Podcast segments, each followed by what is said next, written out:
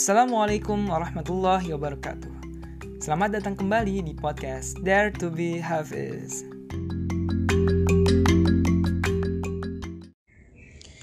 أعوذ بالله من الشيطان الرجيم يا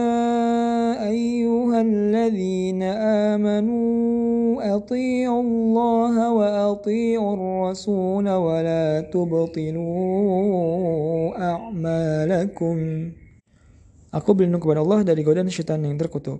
Wahai orang-orang yang beriman, taatlah kepada Allah dan taatlah kepada Rasul, dan janganlah kamu merusakkan segala amalmu. Oke, masuk di ayat yang ke-68, masih di surat Muhammad, kali ini di ayat ke-33. Mungkin dari segi uh, makna ayat ini mirip-mirip sama surat Ali Imran yang udah pernah kita bahas gitu, yang taatilah Allah, taatilah Rasul, dan taatilah para pemimpin. Tapi di sini lebih ke taatilah Allah dan taatilah Rasul, dan ada poin tambahannya adalah jangan kamu merusak amal-amalmu. Nah kalau misalnya dibaca di tafsir jalan lain itu, merusak amal-amalmu itu contohnya kayak gimana? Dengan kita melakukan perbuatan maksiat gitu. Nah mungkin juga kalau misalnya di ayat yang lainnya gitu ya, uh, ria itu ada uh, disebut seba, uh, sebagai suatu yang akhirnya menghapus amal kita juga. Kayak kita tuh apa ya debu di atas batu gitu ya.